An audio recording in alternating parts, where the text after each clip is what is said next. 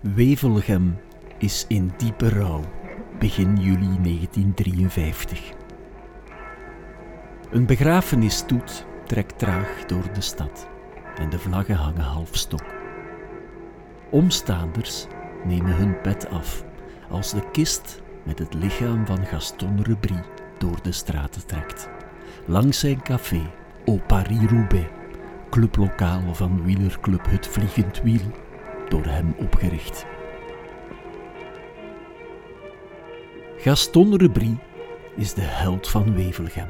Winnaar voor de oorlog van vier toeretappes, van Parijs-Nice, van één ronde van Vlaanderen en van drie keer Parijs-Roubaix. In 1934 onder andere, na de disqualificatie van winnaar Roger Lapébie, die onderweg een fiets van een toeschouwer had gekregen. Je suis seulement deuxième, enfin, la course. Parce que la PB, il est disqualifié, mais... Ah, est disqualifié, pourquoi Quel Là, la vélo. Het is het enige stukje stem van Gaston Rebrie dat vandaag nog is overgebleven. Maar daar, op die droevige dag in Wevelgem in 1953, herinnerde iedereen zich zijn stem, zijn exploten en de vreugde die ze brachten nog levendig. De locomotief, de bulldog, Monsieur Paris-Roubaix, was plots uit het leven gerukt. Amper 48 jaar. Collega's van Gaston zijn er amper op de begrafenis. Op de dag van zijn dood is in Straatsburg de gouden jubileumeditie van de Tour de France begonnen. Le Tour de France a 50 ans. Au départ de la première étape Strasbourg-Metz, l'équipe de France est Louison Bobet. Le Belge Impanis lançant Svanzi, le champion de France Gemignani. Achter de lijkwagen in Wevelgem loopt, het hoofd diep gebogen, Gaston Rebrie junior, 20 jaar oud.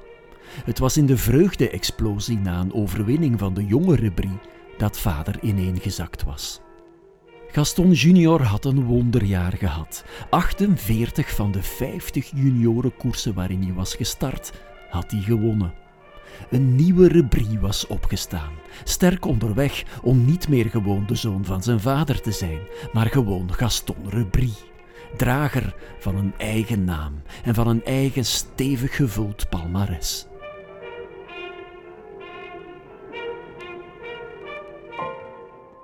Wie niet achter de lijkkist aanloopt, is Gastons oudste dochter Jacqueline. Zij is een paar jaar eerder met een Britse soldaat, die ze na de Tweede Wereldoorlog in Au Paris-Roubaix had leren kennen, naar Canada geëmigreerd. En ze geraakt niet tijdig terug voor de begrafenis van haar vader. Maar zij is het die er bij haar moeder, bij haar broers Gaston Junior en Jacques en haar zus Nelly op aandringt om ook de grote plas over te steken. Of Gaston Junior daar toen al aan dacht, daar in die begrafenisstoet, dat weten we niet. Maar dat zijn leven na de plotse dood van zijn vader, zijn grote voorbeeld, zijn idool, zijn afgod, nooit meer hetzelfde zal zijn, dat weet hij wel.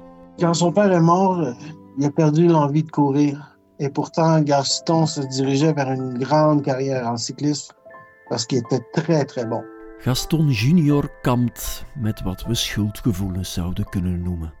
En hij wil niets meer met koersen te maken hebben. Dat hoor je hier Stefano De Palo zeggen. Ik leg straks wel uit wie hij is. Gaston Rebrie Junior, de grote hoop van het Belgische wielrennen, is in zijn hoofd wielrenner af. Maar er is een plan B. Twee jaar geleden heeft Gaston een diploma behaald aan de kunstacademie van Menen. En als hij na een paar maanden twijfelen ingaat op de uitnodiging van zijn zus en naar Canada trekt, vallen alle puzzelstukjes samen.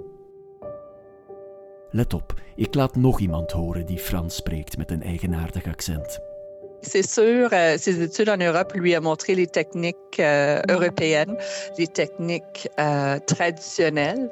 Et au Canada, on avait un paysage sauvage, un paysage qui est tellement vaste. C'était un nouveau paysage. Gaston had de techniek van de klassieke Europese meesters in België geleerd. In Canada vond hij wat hij wilde schilderen. Woeste, wilde landschappen. En al snel beslist Gaston junior om een nieuw leven op te bouwen.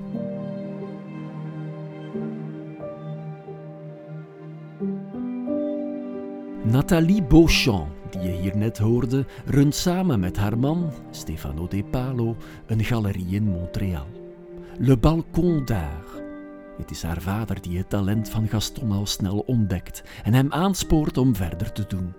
Vous avez une culture absolument extraordinaire, euh, une histoire extraordinaire. Nous, au Canada, on a le paysage extraordinaire. De Beauchamps hebben weinig met wielrennen en Gaston spreekt 30 jaar lang nooit over zijn wielerverleden, over de triomfen van zijn betreurde vader, over de toekomst die hem wellicht wachtte als zijn vader niet zo jong gestorven was. Maar als Stefano in beeld verschijnt, verandert dat.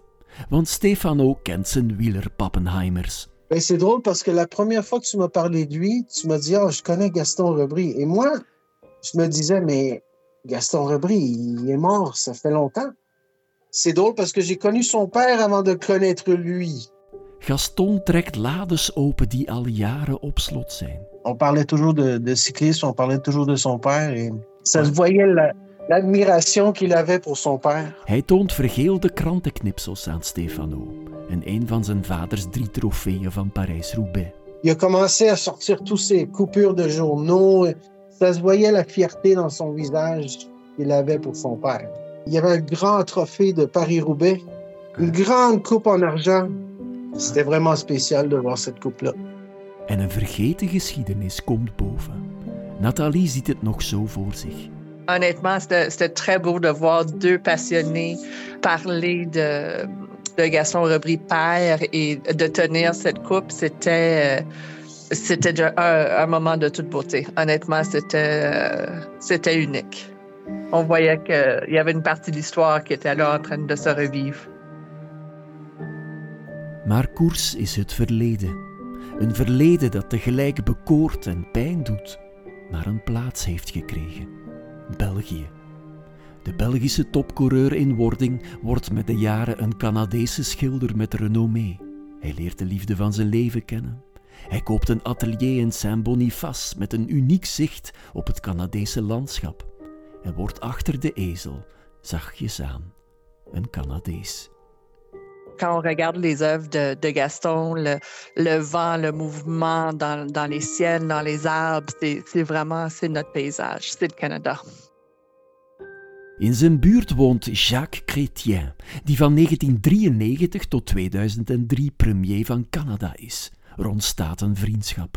Moi, dans toute ma vie, mon objectif était toujours de faire de mon mieux. Et à chaque jour, je faisais de mon mieux. Bij officiële staatsbezoeken schenkt Chrétien aan staatshoofden en regeringsleiders van over de hele wereld schilderijen van Gaston.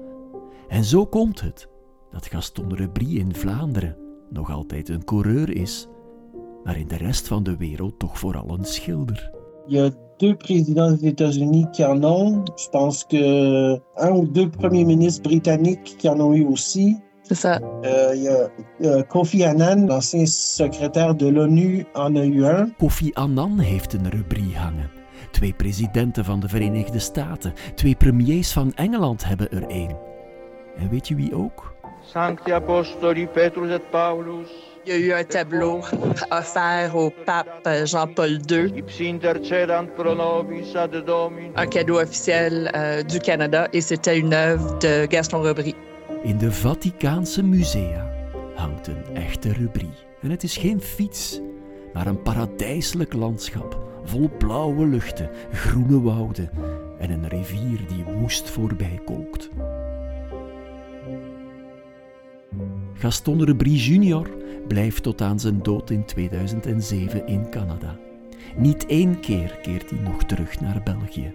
Quand il est arrivé au Canada, euh, le plus loin qu'il est allé, c'était en Floride. Florida is het verste dat hij nog reist. Maar zijn werk hangt ondertussen wel in alle uithoeken van de wereld. En zo is de nieuwe Gaston Rebry, waar iedereen begin jaren 50 in Wevelgem en omstreken de mond van vol had, er inderdaad gekomen. Le Canada, c'était un nouvel avenir, des nouvelles aventures, une nouvelle histoire.